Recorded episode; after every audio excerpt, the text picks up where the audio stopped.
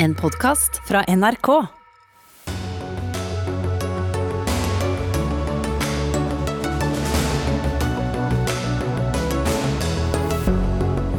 Kommuneoverlegen i Bodø frykter ukontrollert spredning av koronavirus i Nordland når tusenvis av utenlandske arbeidere er på vei over grensen for å jobbe. Krav om at nye boliger skal ha sollys forsvinner. Lederen for oppropet Gi meg solen, Erna, møter regjeringen til debatt. Folkehelsen er ofret på grensehandelens alter, sier fedmeekspert etter kuttene i sukkeravgiften. Det må kuttes mer, sier næringslivet.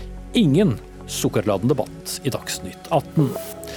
Og de går midt iblant oss, men norsk, det snakker de ikke. Språkrådet er bekymret for arbeidsinnvandrere som verken kan eller må snakke som oss. Ja, så vi velkommen til um, torsdagens Dagsnytt 18, der vi også skal til den pågående spenningen i Midtøsten etter at hjernen for Irans atomprogram ble drept. Jeg heter Espen Aas. Dagsnytt 18 starter sendingen i nord, for tusenvis av utenlandske arbeidere er snart på vei over grensene til Nord-Norge for å jobbe under vinterfiske. Underlig at det er svært strengt på hovedflyplassen Gardermoen, mens grensekontrollen her oppe har vært ikke-eksisterende. Ja, det sier du, kommuneoverlege i Bodø, Tor Klaudi. Du sier du er redd for at dere kan miste helt kontrollen. På, på hvilken måte da? Bakgrunnen for dette er at vi forventer 3000-4000 arbeidere som kommer i hovedsak fra Polen og Litauen til Lofoten og Vesterålen for å arbeide under vinterfiske. Eh, vi vet at både Litauen og Polen er røde land, og vi forventer at det kommer smitte fra de landene.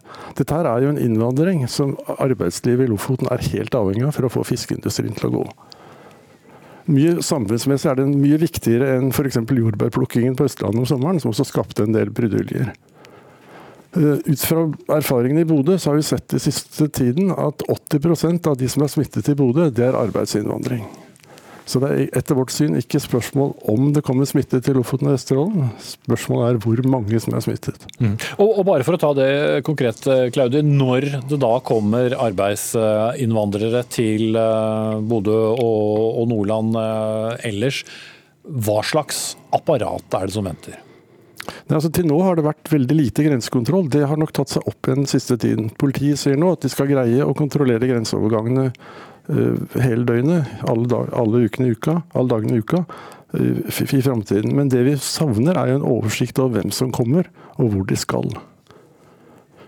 Så dere, vet, har, ja. Ja, så du, dere har ingen oversikt over hvor uh, utenlandske arbeidere drar, hvor de blir av? Nei, politiet har ingen mulighet til å registrere hvem som kommer, og i hvert fall ikke å bringe den, den informasjonen videre. Det vi ønsker er at politiet skal ta opp og spørre, i tillegg til å teste, sånn, eller sjekke at de har en covid-test når de kommer, så ønsker vi at politiet skal spørre hvor de skal, hvem de skal arbeide for og at politiet har muligheten til for det første å kontakte arbeidsgiverne og sjekke at den, de opplysningene de kommer frem med er riktige. Og for det andre gi opplysninger til kommunehelsetjenesten om hvem som kommer, når de kommer, og hvor mange de er, og hvor de skal bo. Men er det kapasitet til det, da? Ja, Det må du spørre politiet om. Men politiet sier nå at de skal greie å, å, å ordne en ordentlig grensekontroll. Det har de muligheter for. Mm. Assisterende helsedirektør Espen Nakstad med meg her i studio. Deler du bekymringen til kommuneoverlegen i Bodø? Ja, det gjør jeg. Og vi er veldig klar over denne problemstillingen også. Den har vært diskutert en stund. Og det er også litt kompliserende det at det er spesielle regler for sjøfolk. Eh, og det er ikke like lett eh, å følge bevegelsesmønsteret når man da kommer over grensen for å faktisk gå ut på et fartøy f.eks. Ja, hvordan er reglene annerledes? Nei, det er, eh, Vi har ikke de samme, samme mulighetene til å pålegge karantene f.eks. som vi har med andre arbeidsreisende. Eh, dette er jo noe som jeg vet Justisdepartementet jobber med, den problemstillingen. Vi inviterte for ordens skyld Justisdepartementet hit, men de takket nei. Ja, og jeg kjenner, men, men, eh, det vi kan gjøre fra helsesiden, i hvert fall, det er at vi kan legge opp til at det blir lettere å teste på grensen med hurtigtester. Det har jo vi lansert i dag. Og, og, og, så kan vi på en måte bidra på den eh, inn i dette saksfeltet sammen med Justisdepartementet for å finne løsninger som sikrer smittevernet. Fordi Det er jo også problematisk hvis man bringer med seg smitten på et fartøy, smitter hele besetningen, og så må de gå i havn et annet sted, og så har du en, plutselig en smittesituasjon der. Så det er, det er en krevende situasjon. Kan, kan, jeg kommentere det? Ja. Ja, altså De som kommer til Lofoten med fartøy, det er jo norske fiskere, og de er ikke så bekymret for, annet at de eventuelt kan bli utsatt for smitte. De som kommer med arbeidsinnvandring, de kommer med biler og busser fra Polen og Litauen via Sverige. Og Det vi savner er jo Det er jo greie karanteneregler, men det vi savner er en mulighet til å etterleve de karantenereglene. Og da er det helt vesentlig at politiet kan registrere hvem som kommer, og bringe den informasjonen videre. Grensetesting er etter vårt syn litt vanskelig. Det hadde vært mye enklere hvis vi visste hvem som kom, og at kommunehelsetjenesten kunne prøve å teste når de har kommet frem. Også for å kontrollere litt hvordan de bor, og hvor de bor. Mm. Men bare for, for å ta den grensetestingen eh, først, Claudia. Hvorfor eh, er det problematisk? Altså, vi har jo hatt en del grensetesting, eller testing med ankomst eh, til Bodø opp gjennom den tiden. Og vi har opplevd en del som har testet negativt når de kom, og så har de testet positivt noen dager etterpå. Mange av de som kommer, kommer i minibusser og sånt nå, via Sverige. og Det betyr at det å teste, da kan jo én være smittet i den bussen, han kan smitte alle de andre på veien over, men testen vil for alle de andre være negativ når de ankommer. Så etter vårt syn er det bedre å få en oversikt over hvem som kommer, og ha en mulighet til å teste dem når de kommer frem og etter noen dager. Mm. Men det vil da åpenbart kreve eh, et, et, eget eh, system og selvfølgelig bemanning, eller ressurser som det gjerne heter på politiske språk, eh, til å følge opp dette? Jo, men hvis vi slipper smitten løs i lokalsamfunnet, så tror jeg innsatsen på testing og smittesporing og karantene blir vesentlig mye verre enn hvis vi prøver å lage et system, et system for å ta vare på disse her. sånn. Mm. Og det er klart ja. Dette er en utfordring for arbeidsgiverne også. for de må jo være veldig forsiktige for å få smitte inn i fiskeindustrien det er jo relativt katastrofalt. Mm. Nakstad, på, på, det med oppfølging eh, målt opp mot eh, testing ved grensen? Mm. Nei, jeg er helt enig at Testing ved grensen løser ikke alle problemer. Men det løser ett problem, og det er at folk som er smittsomme idet de kommer inn over landets grenser og begynner å smitte andre med en gang, de blir lettere fanget opp. Nå sier ikke jeg at vi skal nødvendigvis innføre det overalt, men jeg sier at det er en mulighet som i denne situasjonen kan bidra. Men ellers er jo dette et juridisk problem som må løses. og og det smittevernmessige det deler vi fullt og helt, og vi forstår bekymringen. Og Vi har jo en høst nå bak oss hvor vi har hatt ganske mye importsmitte faktisk, i, i, helt fra september og framover. Og også etter høstferien kom det mange tilbake som var smittet. Og Det førte til smittespredning ikke minst på arbeidsplasser. Vi har mange eksempler på det på Vestlandet også. Så det er veldig viktige problemstillinger, og det er viktig å ta tak i det nå før situasjonen dukker opp. Og Det andre som vi er bekymret for, er jo selvsagt etter juleferien. Når veldig mange av de som jobber i Norge til vanlig, men bor i utlandet, har vært hjemme og feira jul med hele slekta si i et land med mye smitte, da er det en, også en problemstilling som vi må være forberedt på å håndtere i januar. Mm. Og, og, Beredskapen da, Claudi, den eh, er jo rigget for, eh, for eh, covid-19 og, korona til, til, en viss grad, men jeg vil jo tro den har sine begrensninger? Jo, men hvis vi får greie på hvem som kommer, og vi kan ha en kontroll av arbeidsgivere og arbeidstakere, så stiller vi mye sterkere enn hvis vi ikke aner hvem som kommer og hvor de er. Og, og, Politiet er veldig interessert i å kunne videreformidle informasjon om hvem som kommer, til kommunene, men foreløpig er regelverket sånn at det ikke går an.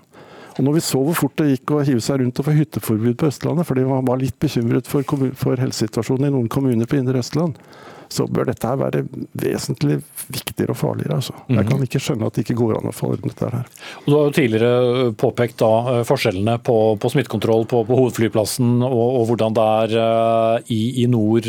Claudi, du mener det rett og slett er en ganske stor nord-sør-forskjell her? Ja, altså på, Hvis man kommer inn på Gardermoen, så må man redegjøre for hvor man skal bo hvis man skal være i karantene. og Man kan ikke velge det fritt engang. Hvis man kommer over grensen her, så kan man bare si at ja, jeg skal til Vesterålen. Ferdig med det. Ingen sjekker noen ting. Mm. Og Det er jo blant de tingene som du, du har vært uh, urolig for mange ganger etter Studio Naksa, det når vi, når vi mister sporingskontrollen. Mm, ja da, og Her er det utfordringer knyttet både til flyplasser og grenseoverganger for kjøretøy, og også havner. Eh, og det er ganske, I en normal situasjon er det veldig mange som reiser inn over landets grenser hver dag, flere titusener. Eh, men nå er det veldig få.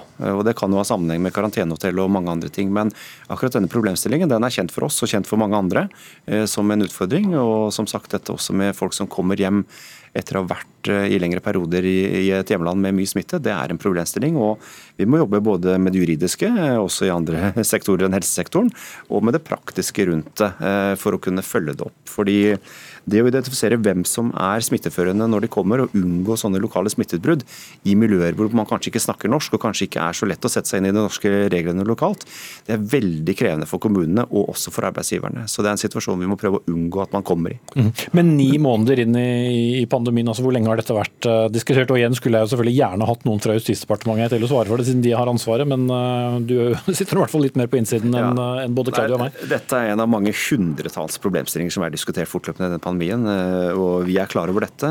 og Det er veldig mange ting som må løses. Men det er ikke noe quick fix alltid på dette også. Ikke minst når det er internasjonale avtaler involvert og, et arbeidsmarked som i stor grad er internasjonalt. Så er det ikke helt ukomplisert å bare stenge eller innføre inngripende tiltak. Det må utredes grundig, og det er en prosess på det.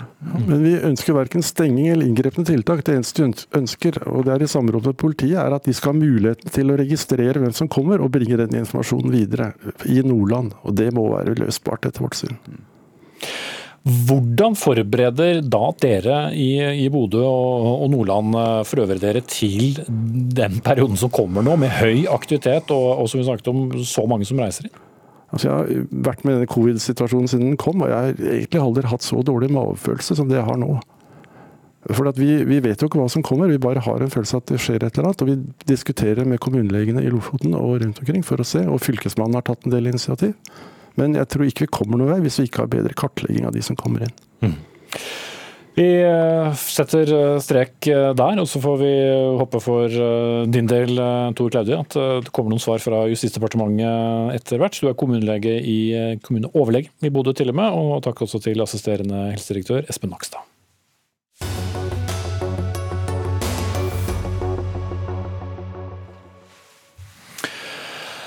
Er det grunn for godtesugne norske barn og unge nå å juble for billigere brus og sjokolade i dagligvare? Handelen eller i butikken på, på, hjørnet, uansett hvor du bor i landet. Det siste døgnet har det vært eh, litt av en debatt etter at det ble enighet om eh, statsbudsjettet, og ernæringseksperter har iallfall svart et rungende nei etter at regjeringspartiene og Fremskrittspartiet altså til slutt ble enige om en avgiftsreduksjon på grensevarer med 3,7 milliarder kroner. Hensikten med det hele er, som vi vet, å begrense handelslekkasjen til Sverige når vi igjen kan reise over grensen. Men Gøran Gilmeset, du er eh, leder ved Senter for psykisk overvekt eh, i Helse Sør-Øst. Du sa i går at du fikk helt sjokk over dette kuttet. Ja, mildt sagt. Ikke bare jeg fikk sjokk, men eh, alle de fagfolkene jeg kjenner og omgås på både nett og ellers, fikk virkelig sjokk. Det er helt, eh, vi syns det er helt utrolig at det er mulig at dette har skjedd. Mm. Men, men altså, hvis vi ser på, på, tallene, så er det Hvis jeg har, finner tallene mine her, så vil altså en melkesjokolade på 200 gram bli 5 kroner og 5 øre billigere. Vil det slå ut i så mye større forbruk? Ja, det vil det helt sikkert. og jeg har brushet litt opp i forskningslitteraturen i ettermiddag for å finne de siste dataene på dette. her, og det er klart at 1 eh, prisreduksjon det vil føre til 1% økning i forbruk, eh, viser mange studier. Så en 10 eh, prisreduksjon, som vi snakker om her kanskje, nesten, kanskje mer, 20% det ville kunne gi en 20% økning i forbruket. Og det vil jo være en katastrofe for folkehelsa. Mm. Så tetningen av handelslekkasjen betyr feitere nordmenn? Ja, det betyr som jeg sa i går at uh, de har ofret folkehelsen på grensehandelens alter. Mm. Petter Brubakk, du er administrerende direktør i NHO mat eh, og drikke, og du har mange ganger snakket om viktigheten av å stanse denne handelslekkasjen. Deler du ikke bekymringen for helsen? Jeg gjør ikke det, fordi eh, det viktige er jo å ta utgangspunkt i at Norge er et land i verden hvor det er ganske mye handel med andre land, og spesielt med Sverige. Vi har kanskje den mest omfattende grensehandelen mellom to land i Europa, mellom nettopp Norge og Sverige. Eh, og på svensk side av grensen er det altså en eh, gigantindustri av kjøpesentre, butikker, som er innrettet mot å selge varer til nordmenn. Eh, og Den eh, handelen er først og fremst lønnsom fordi det er et veldig stort avgiftsgap mellom eh, Norge og Sverige, som gjør det lønnsomt for stadig flere nordmenn å velge å legge handleturen til Sverige. Og det vi vet er at De viktigste lokkevarene eller driverne for å handle på den andre siden av grensen, det er brus, det er sjokolade, det er øl, tobakksvarer. Og Det mener vi er både av viktige hensyn til folkehelsen, men også av hensyn til arbeidsplasser, sysselsetting, verdiskaping, avgiftsinntekter til staten, at den handelen flyttes hjem til Norge. Det er vårt anliggende, og det tror vi vi kan i hvert fall ha begynt på ved den avgiftsreduksjonen som nå heldigvis ble vedtatt. Mm. Men jeg vil jo tro at uh, godt over halvparten av nordmenn uh, reiser jo veldig sjelden over svenskegrensa, rett og slett fordi de må kjøre veldig langt for å gjøre det, og at det sånn sett ikke vil uh, lønne seg. Og de kan vel nå egentlig bare glede seg over at det vi pleide å kalle for fyvarer, blir billigere. Ja, så kan man si, det, Da måtte man jo i så fall være at det er systematiske forskjeller mellom folkehelsen i de grensenære regionene og de som ikke er det. Eh, for så vidt er det jo heller ingen voldsom forskjell mellom folkehelsen i Sverige eller i Norge, selv med ulikt avgiftsnivå. Eh, jeg tror faktisk det er grenser for hvor mye man ønsker å få i seg av disse produktene, eh, og man har ganske gode mekanismer på å regulere det selv.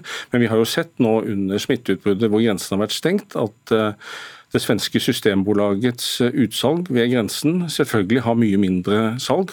Og i parentes bemerket, Dette er jo noen av de største utsalgene i det svenske systembolaget, som ligger altså i veldig befolkningsfattige distrikter inntil grensen. De er selvfølgelig laget for å betjene nordmenn. Så ser vi at de norske forbrukerne istedenfor kjøpe varer i Vinmonopolet, for en mye høyere avgift. Mm. Eh, og Det er en illustrasjon tror jeg, på at man kjøper det man har lyst på, verken mer eller mindre. Mm. Men vi vet jo også, og det er jo litt av poenget her, at uh, pris hjelper jo ofte på hvorvidt du har lyst på noe eller ikke. Og hvis da en stor sjokoladeplate i butikken er litt billigere, så er det vel litt uh, lettere å velge den? Da er det litt lettere å kjøpe den på norsk side av grensen enn på svensk side av grensen. Og eh, sukker eller brus eller hva det enn måtte være, blir ikke bedre om det er kjøpt i Sverige enn i Norge. Og Vårt poeng er at man må ikke være så opptatt av et virkemiddel at man glemmer virkningen av det samme virkemiddelet. Og Grensehandelen har økt, ikke bare litt, men nærmest fordoblet seg på de ti siste årene. Veldig mye drevet av de varene som vi har høye avgifter på på norsk side, og altså varehusene står klare på svensk side av grensen for å selge utelukkende til nordmenn som kommer dit utelukkende pga. det høye norske avgiftsnivået. Mm. Men Hjelmeset, vi, vi, vet jo hva vi skal spise og ikke spise. Eh, nordmenn er eh, relativt eh, velutdannet. Eh, er det ikke en bedre idé i stedet for å gjøre de norske varene enda dyre med høyere avgifter, og heller fortelle folk hva de bør spise og ikke spise? Enda mer enn det, det å fortelle folk hva de bør spise, det ser vi jo hva det har resultert til i Norge, hvor to tredjedeler av Norges befolkning har overvekt eller fedme. Det vil si at det er bare en tredjedel som er normalvektige. Og en million voksne nordmenn har fedme, og mange barn har overvekt og fedme. Og Spesielt de barna som har overvekt og fedme, de er jo i risikosonen for å få alvorlig sykdom og et mye kortere liv hvis de fortsetter på denne galeien. Og Denne prispolitikken som nå er iverksatt, den øker risikoen betydelig for økende problemer med overvekt og fedme hos barn og unge. Og Denne drar de med seg i voksen alder, og det er godt dokumentert i utallige eh, store epidemiologiske studier at de da får et kortere liv og mer hjerte-karsykdom, mer diabetes og mer annen sykdom. Mm. Men vet du at det er sukkeret? Det er både sukker og fett. Men sukkeret er minst like ille som fett, og det viser seg at sukkeravgifter eh, ser det ut som har større effekt, eh, en positiv effekt enn fettavgiften, hvis du ser på sammenlignende studier. Så det er faktisk slik at det er veldig lite som skal til av prisøkning som gjør at eh, forbruket reduseres, og det er det vi trenger. Og Vi har blitt fortalt nå i mange år av myndighetene, av Finansdepartementet, at det er så veldig vanskelig å regulere bitte lite grann på en avgift. Fra 20 kroner til 19 kroner, eller fra 30 til 29 kroner. Nå I løpet av ett døgn så reduserer de det fra 30 kroner eller 20 kroner til 0 kroner. Er det mulig? Ja, det er mulig, og da er det også mulig etterpå forhåpentligvis å fordoble det. Bruvak. Ja, vi har hatt sjokoladeavgift i Norge i 98 år. Vi har hatt drikkevareavgift i 96 år. Så alle de utfordringene vi har med folkehelsen, som eh, Hjelmeset beskriver, er oppstått med de avgiftene vi har. Jeg synes Et godt eksempel på hvordan avgifter kan virke og ikke virke, er da Stortinget, også i tolvte time, eh, valgte å øke drikkevareavgiften med 40 eh, nærmest fra en dag til en annen. Eh, det året eh, hvor dette skjedde, da var 48% av drikkevarene, altså de alkoholfrie drikkevarene i Norge sukkerfrie. På de årene som har gått etterpå, er vi nå oppe i 60% sukkerfrie drikker. Det er fullstendig uhjulpet av avgiften, som likebehandler sukkerholdig og sukkerfri drikke. Det er uhjulpet av helsemyndighetene, som snakker ned de kunstig søtede drikkene.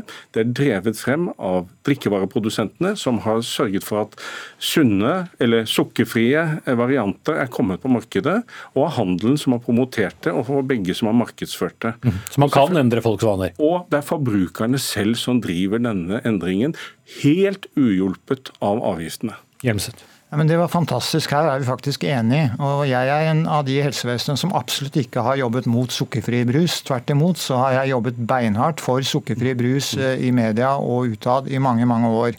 Og det er selvfølgelig den største feilen. Vi burde ha en differensiert sukkeravgift. Du satt jo selv i det utvalget. Du var ikke enig riktignok i konklusjonen, så vidt jeg forstår, men det er jo foreslått av et utvalg som har jobbet lenge med dette her, at man burde øke prisen med økende sukkerinnhold.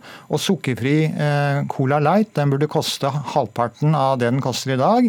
Og sukkercola det burde koste dobbelt så mye. Da hadde vi fått en flott endring. Jeg må sette strek der. Det var jo så fint, og dere var eh, enige. Og effektene av eh, for både grensehandelen og helsen ser vi jo først når det har gått eh, litt tid. Takk til Petter Brubakk, administrerende direktør i NO Mat og Drikke, og Gøran Hjelmeset, leder ved Senter for sykkel og overvekt i Helse Sørøst-Norge, som vel firte flagget på halv mandelstang.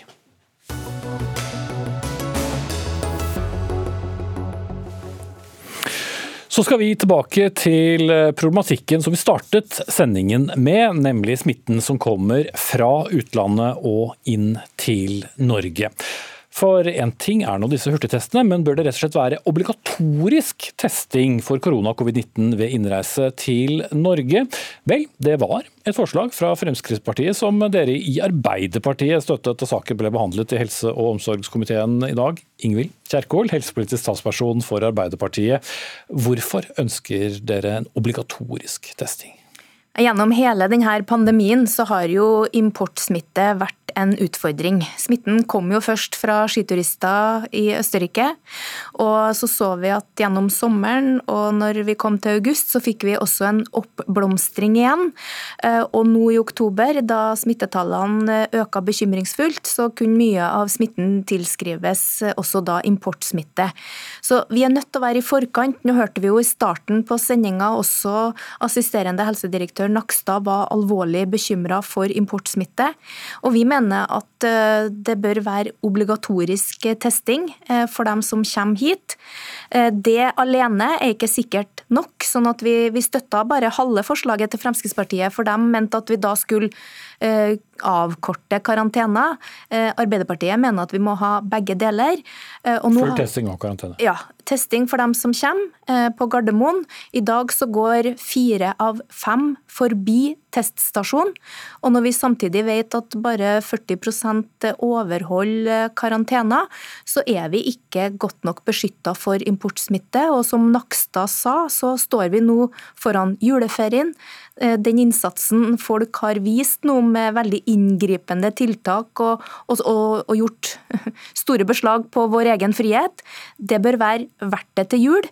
Og Da kan vi ikke risikere en ny bølge i januar, når arbeidsinnvandrerne kommer tilbake, og, og være i samme situasjon igjen da. Det må vi unngå. Men det er ikke alle som er enige med dere eller Fremskrittspartiet. Kjersti Toppe, første nestleder i eh, samme komité, helse- og omsorgskomiteen, men for Senterpartiet, dere støtter altså ikke dette forslaget. Hvorfor ikke? Nei, Vi mener at forslaget ikke går langt nok. At det ikke er nok med testing på, på grensa. Vi mener vi er nødt til å ha en modell som kombinerer dette med en plikt til karantene. Eh, og grunnen for, for det er ikke det akkurat det samme som Kjerkol sa? Eh, ja, men det er de som ikke støtter vårt forslag når vi foreslår det. For de støtter et forslag som kun omhandler obligatorisk testing. Og problemet med Fremskrittspartiet sitt forslag som Arbeiderpartiet støtter, det er jo at vi vet vet av eh, erfaringer fra bl.a. Island at eh, eh, tester vi slik på grensa, så kan én av fire tester være såkalt falske negative, altså at de får et negativt svar, men at den da eh, kan fint være smitteførende dagen etterpå. Altså at den eh, har en eh, falsk trygghet. Og hvis en skulle gå på det forslaget med kun testing på grensa, så ville det faktisk kunne føre til økt smitte i Norge, og ikke mindre. Så vårt forslag, som da har fått flertall i innstillinga her, det er at vi ber regjeringa vurdere en modell for økt testing på grense, som kombinerer dette med innreisekarantene. Og målet må jo være at de skal få mindre smitte i Norge. Testing er ikke et poeng i seg sjøl. Og så må en se på erfaringene fra, fra Island. og Det er det vi har foreslått, og det har vi da fått flertall for i innstillinga i dag. Så Ingvild Kjerkol, er dere egentlig enige? Nei, eh, eh, det her er en spesiell opplevelse. Jeg kan, kan, ikke sitte og forholde meg til at Kjersti Toppe finner på ting. Det som har skjedd her, er jo at Kjersti Toppe eh, støtter regjeringspartiene som ikke vil innføre obligatorisk test ved grensa. Det å fjerne karantenebestemmelsene, det har Arbeiderpartiet aldri tatt til orde for. Så det kan ikke Kjersti Toppe beskylde oss for. Det som er eh, sikkert, det er at Helsedirektoratet faktisk på et tidspunkt Eh, anbefalt obligatorisk testing på alle som satt i karantenehotell, men det vet vi ikke ble en realitet. Og nå må vi være i forkant. Eh, de Arbeiderpartipolitikerne jeg snakker med, som styrer de store byene, Oslo, Bergen og Trondheim, de er veldig bekymra for at vi får en tredje smittebølge i januar. Og da bør vi skjerpe kampen mot importsmitte. Når fire av fem går forbi teststasjonen på Gardermoen, så er det ikke godt nok. Vi må fortsatt ha karantene. Og nå hørte vi Nakstad i starten på sendinga sa at de ruller ut hurtigtester. De er ikke 100% sikre, men 75% sikkerhet på en hurtigtest kombinert med karantene, det vil være mer effektivt enn det tilfeldige systemet vi har i dag, og som har ført oss opp i den andre smittebølgen. Mm. Men for meg, det er mulig, jeg er jo bare en enkel programleder, Kjersti Toppe. Det høres jo ut som dere egentlig snakker om det samme. Hva, hva, hva er forskjellen på, på det du mm. sier og det Kjerkol sier? Nei, Jeg eh, registrerer jo med glede at Arbeiderpartiet har begynt å si det samme som oss. Eh, for vi har eh, hele tida sagt at testing på grensa, en test på grensa aldri er godt nok, fordi at det er for mange falske negative. At de nå begynner å snakke om at de også vil ha krav til karantene, det er jo bra. Og da tenker jeg at de, når dette forslaget kommer opp til votering i Stortinget neste uke, så bør jo de stemme for det som Senterpartiet har fått flertall for. Vi stemmer ikke med regjeringen, men regjeringen regjeringspartiene har støtta Senterpartiet sitt eh, forslag. og Det er nettopp eh, økt, eh, økt testing, testing. på grensa, men kombinert med karantene. og Det har faktisk Arbeiderpartiet ikke snakket om før nå. og det er jo det som er nøkkelen her. Jeg tror, jeg tror det er best at Arbeiderpartiet får fortelle hva vi er for. Vi har hele tida sagt at vi må ha karantene. Ikke på noe tidspunkt har vi sagt at vi skal lempe på karantenebestemmelsene. Så hvor Kjersti Toppe har det fra, det, eh, det aner ikke jeg. Men det er jo ikke mer forslaget Også, du støtter, da. Nei, men, det kan jo du være vi, ærlig på å si. Det er ikke nei, med i forslaget, og det er ikke med som en intensjon fra FrP forslag. Nå må jeg få lov til å snakke når jeg har fått ordet fra programlederen eh, Kjersti Toppe. Og den innstillinga den ble avgitt i dag, og der støtter jo ikke Arbeiderpartiet det du sier at vi gjør. Nå må jeg få lov til å gjøre rede for hva Arbeiderpartiet mener. Og vi ønsker obligatorisk testing ved grensa. Det har vi sagt sagt hele veien. Og mitt spørsmål til meg, til, mitt spørsmål til Kjersti Toppe, det er hvorfor er Senterpartiet imot obligatorisk testing ved grensa? Det er fordi at vi har et forslag der vi sier at vi vil ha testing sammen med karantene. Og det er slik at Arbeiderpartiet stemmer imot det forslaget som sier at det skal være sammen med innreisekarantene. Og det kan jo folk lese i innstillinga, at det er det som er forskjellen mellom Senterpartiet og Arbeiderpartiet i denne, i denne Svar ikke på spørsmålet. Jo, bare for å presisere da, Toppen, så dere, dere vil ikke ha obligatorisk testing, men dere vil ha en kombinasjon av testing og karantene? Ja, og det er jo òg et eh, eh poeng. Hvorfor ikke altså, obligatorisk? Altså, ja, eh, Det er jo et poeng hva obligatorisk testing betyr. Skal det være testing fra alle røde land, eller skal det være fra, fra grønne land? Eller skal det være eh, ja, en, en, forskjell her? Det er jo ikke, det er ikke eh, sak. Vi mener det skal være testing når det er en karanteneplikt. Så skal det òg eh, være test, men vi må finne ut på hva slags måte det kommer til å skje. Hurtigtestene er jo ikke gode nok i dag. Mm. Så det verste som vil skje, at vi får falske trygg trygghet ute med en ja, men, negativ test men, hva mener du er obligatorisk? Eh, eller hvem bør eh, ha obligatorisk testing? Obligatorisk testing det er at alle som kommer fra utlandet til Gardermoen og til de store grensepasseringene, de må teste seg. Det er obligatorisk testing. Ja.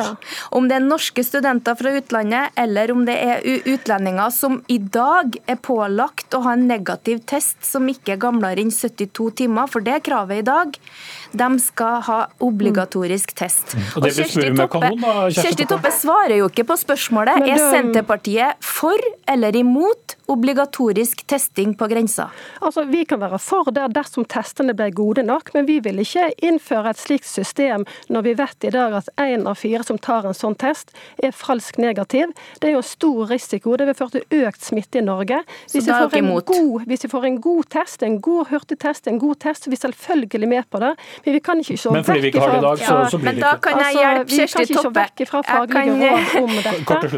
da kan jeg hjelpe Kjersti Toppe. For det eh, forslaget som har Arbeiderpartiet og Fremskrittspartiet sine stemmer fra innstillinga i dag, det er at regjeringa kommer tilbake med en plan for obligatorisk testing ved grensa når folk kommer dit fra utlandet. Det kan Kjersti Toppe stemme for, hvis hun er for obligatorisk testing men ikke med dagens tester. Og da er det Senterpartiets eh, forslag, eh, hvis jeg forsto det riktig, Toppe, som, som, får flertall. I dag må vi kombinere det med karantene, og det vil faktisk Ingen ikke som har foreslått å lempe på jo, karantene? Du sa det nettopp i stad, at dere var for Nei. testing når det ikke var røde land. Da er det kun testing som gjelder for Arbeiderpartiet, Nei. og det er veldig usikkert i dag. Du, du kan ikke påstå at vi lemper på karantenekravene, for det gjør vi ikke. Kjersti Toppe, det er skikkelig uredelig. Vi begynner ikke denne runden en gang til nå, men jeg registrerer også litt mer enn litt uenig fra Ingvild Kjerkol eh, fra Arbeiderpartiet og Kjersti Toppe fra Senterpartiet, begge medlemmer av helse- og omsorgskomiteen på Stortinget.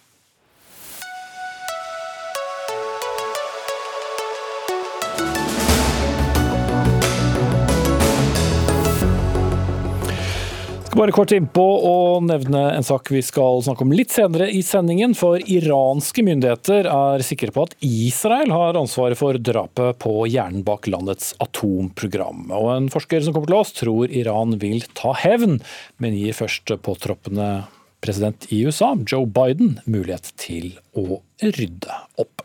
Men nå til hjemlige forhold. For sol ute, sol inne, eller kanskje mest ute. Hensynet til lys i boligene er noe utbyggere i dag må ta hensyn til, men i denne paragrafen i bygningsforskriftene blir, eller denne paragrafen blir nå fjernet eh, fra og med juli. Hilsen regjeringen, og det er det en del som ser mørkt på. Lene Smith, eh, som sosiolog, sivilarkitekt og tidligere forsker ved NIBR, eller Senter for by- og regionsforskning, så har du tatt initiativ til et opprop til statsministeren. Gi oss solen Erna. Hva, hva er det dere vil? Ja, vi mener at dette vedtaket om å fjerne den bestemmelsen i byggeforskriften er fattet på et feilaktig grunnlag. Eh, fordi departementet viser til at solforhold er regulert av andre bestemmelser i lovverket, men det stemmer ikke. Men for alle oss som har hørt om, om dette, ja. for det har gått noen runder. Rent konkret, hva blir forskjellen på en uh, leilighet som bygges nå, og kan bli forskjellen på en uh, leilighet da, som, som, bygges etter at denne forskriften fjernes? Altså Forskjellene er at da er det ikke lenger noen statlige krav til solforhold i boligene. Uh, og da er det helt opp til kommunene. Og kanskje noen kommuner er flinke og klarer å ivareta det. Men vi har dessverre erfaring for at mange kommuner ikke klarer å stå imot presset, og at det da bygger enda høyere og tettere enn det har vært gjort hittil allerede. Mm. For det som er Poenget er at du kan da bygge boliger eh, enda, en, tettere. enda tettere, for ja, da ja. trenger du ikke å slippe inn så mye. Ja, nettopp. Det er det som er konflikten. Ja. Heide Karin Nakken, statssekretær i Kommunal- og moderniseringsdepartementet fra, fra Høyre. Er folk likevel trygge på at de ikke kan risikere å måtte kjøpe seg inn i langt mørkere boliger enn i dag? Absolutt. Altså det er, eh, for å understreke det, vi er like opptatt av sollys og dagslys som vi har vært. Det vi gjør nå, det er at vi rydder opp i en dobbelregulering. Eh, og det som står i den som tas ut, det gjelder uteområdet for å bli sånn veldig teknisk på tekken. Da. Eh, og Det samme er ivaretatt i plan- og bygningsloven. Det vi gjør, er at vi overfører og plassere ansvaret tydeligere i plan- og bygningsloven, så gjør at kommunene Så da er det kommunene, og det er ikke lenger en statlig forskrift, men en kommunal forskrift? bare for å... Det er plan- og bygningsloven, som er en lov som gjelder for hele landet, som er i helhet det kommunene må ta hensyn til når de skal gjøre sine arealplanlegginger. Mm. Og hvorfor eh, skulle eh, kommuner mene noe annet da? Eh, er det pga. nettopp da denne fortetningen? Den fortettingen har ført til et, et, stadig sterkere press på å bygge enda høyere og tettere. Og vi er enig i at vi skal fortette, men man skal fortette med kvalitet. Og det betyr at man må sørge for at folk får puste. At det kommer sol inn i boliger og utearealene. Og vi har mye forskning som viser at uh, at eh, kommunene ikke klarer å stå imot det presset. Mhm, for å utnytte arealene i større grad? For å utnytte arealene, fordi at, um, at um, det gjelder å bygge mest mulig. ikke sant? Eh, og annet eh, den forskningsrapporten her som, som en oppsummering av, viser helt tydelig at det er de økonomiske interessene som går foran hensyn til miljø og sosiale behov. Mm. Ja, Nakken, I hvilken grad kan du garantere for at ikke det kan være fristende å, å sette blokker enda tettere innpå hverandre? Altså, det blir jo ikke et mindre ansvar på kommunene nå, det blir jo et større ansvar for å, ans for å vurdere sollys i, på uteområdet. Mm. Men er det riktig som Smith sier at du, du kan uh, hensynta det mindre når det ligger i plan og bygning, enn i dagens regelverk? Er vel det vi lurer på? Nei, jeg vil ikke være enig i det. fordi at eh, Vi ser jo nå at man sånn som regelverket har vært. Så de eksemplene som blir tatt fram, de er bygd under dagens eh, regelverk. Eh, og jeg tror at litt av grunnen til at det har der det, gått, der det ikke har blitt nok hensyntatt, er nettopp at det er uklart, rotete regelverk, dobbeltregulering. At det er ryddigere og bedre å få det tydelig plassert, både ansvar og hvilken paragraf som gjelder eh, når du skal fortette. Og så skal vi huske at fortetting er også viktig, og boligbygging er bra, og vi må gjøre mer av det. Men vi trenger også lys. Men vi trenger også lys. Magnhild Meltveit Kleppa, det var jo du i sin tid som fikk solen inn i paragrafsform da du var eh, kommunalminister for Senterpartiet for ti år siden. Eh, hvilke tanker har du gjort deg om eh, denne endringen? Det er jo slik at det er sol og dagslys det er viktig både for helse og trivsel. Jeg er overraska over at regjeringa vil stryke denne bestemmelsen i byggteknisk forskrift. Vi bygger tettere. Det er mange grunner for det. Desto viktigere å være opptatt av kvalitet. Og Det er ikke tvil om at utbyggerne, for dem så er det én ting som er viktig. Det er flest mulig leiligheter. Det er størst mulig økonomisk gevinst. Og det er klart at det da blir et ekstra press mot kommunene. Og jeg vil si at dette er et område som egner seg dårlig for kommunalt selvstyre. Jeg tror det er en lettelse for kommunene at det her ligger Men da sier du, statlig... Kleppa, som tidligere kommunalminister, at vi kan ikke stole på kommunen? Vi kan stole på kommunene, men, jeg, men det spørsmålet om her hvem skal gjøre jobben. Hvem, altså, Trengs det her fremdeles noen retningslinjer? Trengs det fremdeles her en forskrift som hjelper kommunene mot det presset som de uh, står overfor? Eh, i dagens eh, boligbygging. Og da tror jeg at mange kommuner i dag er glad for at det her er en bestemmelse. Vi skal huske på at dette handler faktisk òg framover om eh, Forskjells-Norge. Altså leiligheter med sol og dagslys. Det er jo det er jo altså til tettere vi bygger, til, til lenger opp må en i etasjene for å få det til. Og når rapportene her nå forteller om ulik praksis, så er mitt råd til departementet skjerp denne forskrifta. Altså mm. styrk rettledninga i stedet for å ta den vekk. Nakken. Mm. Ja, altså Det er én ting vi er enige om, og det er at sollys og lys er viktig. Ellers er jeg helt uenig med det Kleppa her legger fram. For det første så får vi nå Du kan ikke si at det er frislepp når det står i plan- og bygningsloven. Det står veldig tydelig, spesifikt, sol- og lysforhold når det gjelder plassering av bygg, som dette her da er snakk om. I tillegg så er det litt merkelig å oppleve at vi skal ha så lite tillit til lokale, de lokale fagfolka som sitter og planlegger i kommunene, kjenner lokale forhold best, og de som vedtar de lokale Det har vel hendt at uh, lokale behov uh, har Absolutt. vært viktigere enn uh, en reguleringer fra andre? Ja, og det er med de reguleringene vi har i dag, og den tekken vi har i dag. altså De, de gangene dette her, da som de sier, har tatt feil hensyn, så har det skjedd med det regelverket vi har i dag. Nå er det jo nettopp en rydding i regelverket og en tydeligere kommunen sitt ansvar som gjør at vi tror dette her skal bli bedre og ikke dårligere. Mm. Men, men Kleppa, tilbake til deg. Da dere fikk denne forskriften inn i, i, sin tid, var det da så tvingende nødvendig å ha en slags da, dobbel presisering, både i plan og bygning og da ansattelig?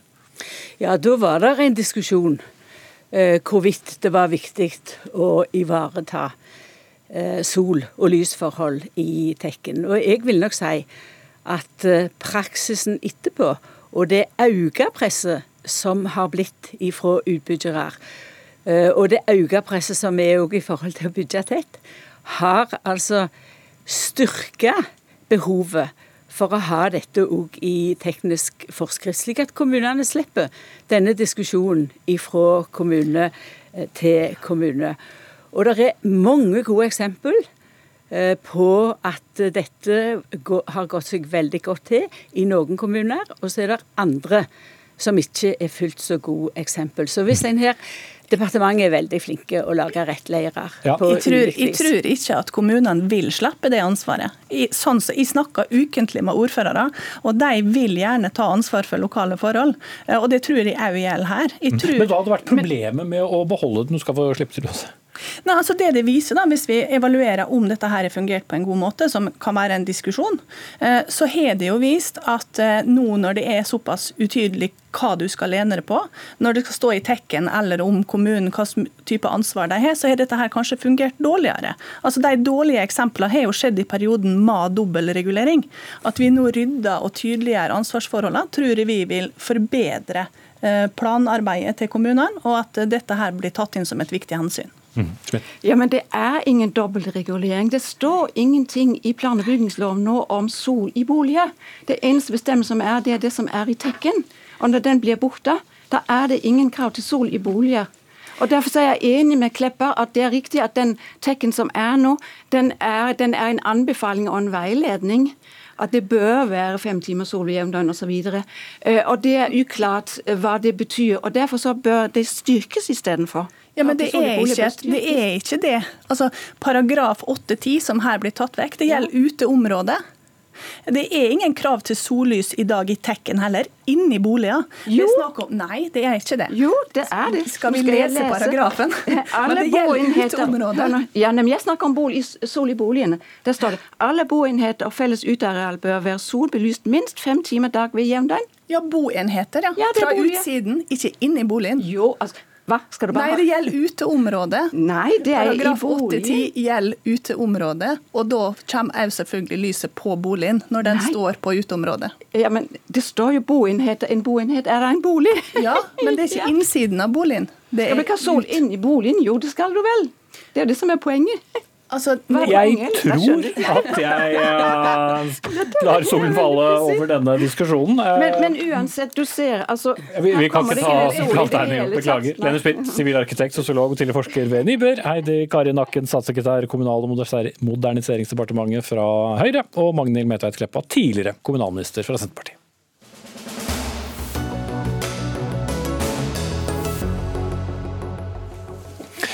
Mens iranske sikkerhetsfolk krangler om hvordan atomfysikeren Måsen Fakhrizad kunne bli drept på åpen gate, så er resten av verden spent på hvordan Iran vil svare på dette. Fakhrizad er omtalt som hjernen bak Irans atomprogram, og har fått en statlig begravelse og er betraktet som en martyr. Og Sissel Wold, korrespondent med oss fra Istanbul. Det er mange som spekulerer nå på hvem som står bak dette attentatet. Mange har pekt retning Israel, men har man noen beviser? Ja, jeg tror ikke det er så mange som tviler på at det var Mossad som utførte dette i Iran. Eh, for det første så har eh, statsminister Benjamin Netanyahu et helt klart motiv. Han hater atomavtalen. Han er veldig redd for at når Joe Biden kommer inn i Det hvite hus, så vil han, som Biden har sagt han vil, gjenoppta forhandlinger og få på plass våpen, eh, atomvåpen, atomavtalen igjen, som Donald Trump ødela. I tillegg har jo Israel stått bak en rekke drap på atomfysikere tidligere. Eh, fem stykker, hvis jeg ikke husker feil. Eh, og i tillegg så er det tre israelske kilder som har bekreftet at ja, Israel sto bak. En av dem har til og med sagt at verden burde takke Israel for å ha tatt livet av denne Mohsen Fakhrizadeh. Og eh, spørsmålet er, mener mange, om Netanyahu gjorde dette på vegne av seg selv og Israel før eh, Donald Trump forlater Det hvite hus, eller om eh, Israel og Mossad utførte dette på vegne av Donald Trump, som også hater atomavtalen. Mm. Kjetil Selvik med oss i studio, forsker ved Norsk utenrikspolitisk eh, institutt. Hvilke konsekvenser kan dette attentatet få? Som Sissel Wold er inne på, så er dette et attentat som vil føre til en tilspenning i Midtøsten mellom Iran og Israel. Fordi Iran er nødt til å svare her, av flere grunner. Eh, kanskje fordi man ønsker hevn, kanskje fordi folket krever hevn. Det går på nasjonal stolthet. Men et element av avskrekking her også. Hvis ikke Iran svarer, så vil de på en måte ha vist svakhet, og de kan ikke tillate det. Godtatt attentatet, på en måte? Ja. Eh, så det, Israel har gjennomført flere aksjoner i Iran eh, i det siste. Et spektakulært angrep i et atomanrikningsanlegg i Natanz sør for Teheran i sommer. Eh, et, og, og flere attentat, og dette siste attentatet gjør at det er veldig vanskelig for Iran å ikke svare. Så spørsmålet er når og hvordan. Mm.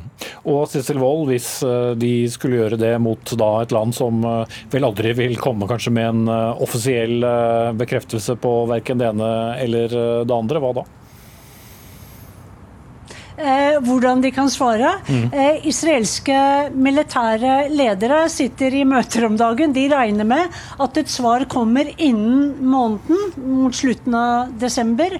Eh, I tillegg så vet man at Iran kan angripe de israelske annekterte Golanhøydene. Iran kan lage problemer for uh, oljetransporten i Hormuzstredet. Iran kan bruke Hizbollah til å angripe Nord-Israel.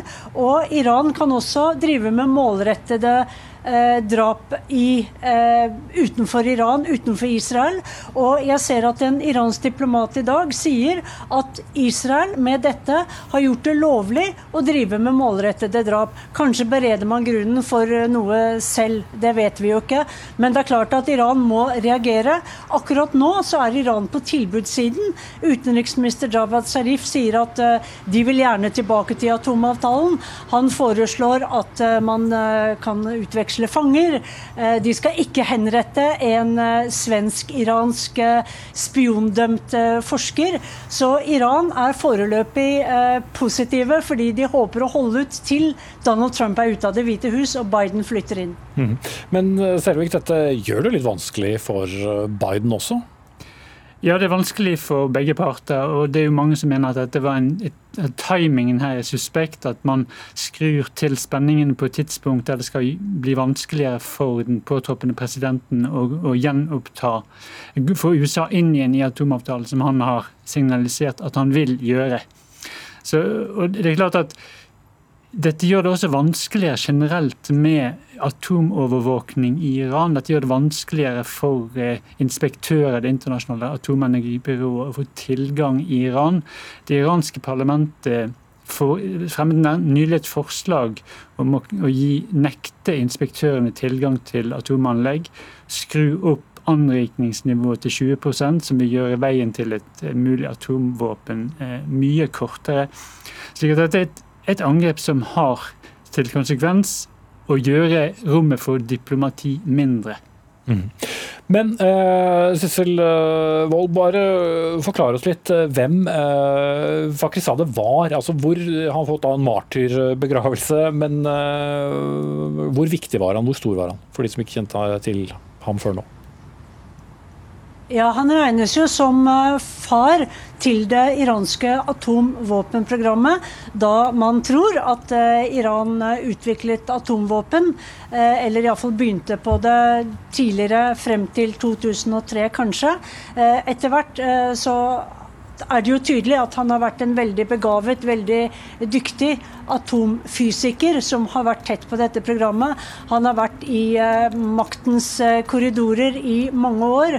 Eh, men han ble jo for alvor kjent, og det ble understreket hvor viktig han var da israelerne stjal store deler av arkivet til Irans atomprogram. Eh, og like etterpå så holdt jo Netanyahu en eh, presentasjon, det var i 2018, eh, på engelsk for å vise verden hva iranerne drev med. Og da hadde han dette navnet fremme. Mohsen det Han sa at legg merke til dette navnet, husk dette navnet. Og da var det vel klart for alle at Fakhrizadeh sto øverst på listen av dem eh, Mossad ville ønske å likvidere. Mm.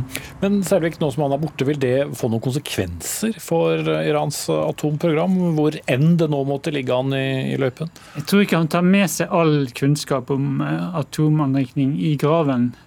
Men han er først og fremst et symbol, og det er noe av det som er bekymringsfullt med dette angrepet. For det at han blir på en måte et symbol, altså fra Israels side et symbol på en, dødelig fiende og leder for tidligere atomprogram i Iran. Fra Irans side han et symbol på frem, nasjonal fremgang og fremskritt. Og her, her er problemet, for historisk så har ikke det iranske folk vært i en slags fiendskap med Israel. Det har vært noe regimet i stor grad har holdt på med. Vi ser at tilspenningen, stadig økende sammentreff og den typen angrep gjør at mist, altså mis, det iranske folk i økende grad begynner å mislike Israel. og at man får, Det setter seg et fiendskap mellom landene kanskje på et dypere nivå enn tidligere. Mm. Takk skal dere ha, Kjetil Selvik, forsker ved NUPI, og vår Midtøsten-korrespondent eh, med oss fra Istanbul, Sissel Wold.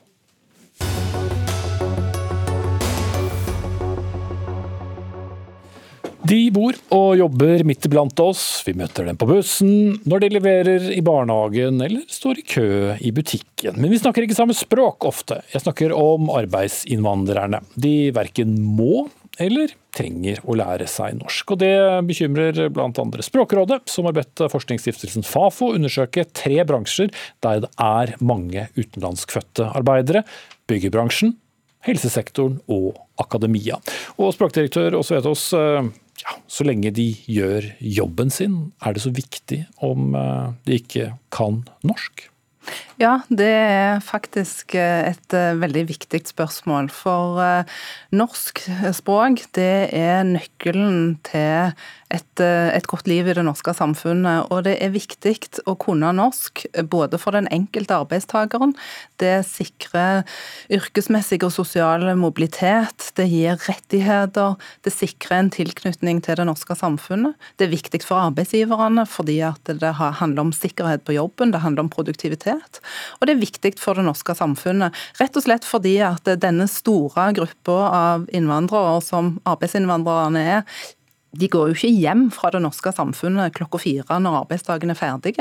Da henter de unger i barnehagen, og de går på utviklingssamtale på skolen. og De skal kunne norsk for å kunne klare seg og for å kunne leve gode liv i det norske samfunnet. Mm.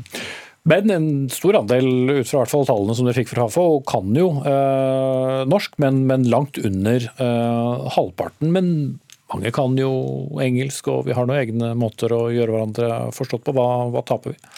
Ja, Det er jo en utbredt misforståelse det der at når en er dårlig i norsk, så er en som regel god i engelsk. Altså Veldig mange av de arbeidsinnvandrerne som kommer hit, er jo da arbeidsinnvandrere som har kommet etter utvidelsen av EU- og EØS-området i 2004 uh, østover. og der kommer veldig mange f.eks. fra Polen og, og Litauen. Og det er ikke sånn at fordi de er dårlige i norsk, så er de gode i engelsk. Og, og dessuten så er det altså sånn at eh, det at de da ikke mestrer norsk på et nivå som gjør at de får denne ja, sikkerheten på arbeidsplassen, yrkesmessige mobiliteten og sånn, det gjør at veldig mange av de da blir innestengte i jobber og i arbeidsforhold som kanskje ikke er så bra, og kanskje kompetansen som de har med seg ikke blir fullt mm. Plutselig på utsiden av de fleste sider. Grunde Almeland, statssekretær i Kunnskapsdepartementet fra Venstre. Er du bekymret? Altså, det er jo helt riktig som også blir sagt her, nettopp at det å kunne norsk språk er jo nøkkelen for å kunne være en fullverdig del av samfunnet. Og også for å kunne ta, ta god del i det sosiale fellesskapet både utenfor arbeidsplassen og på arbeidsplassen.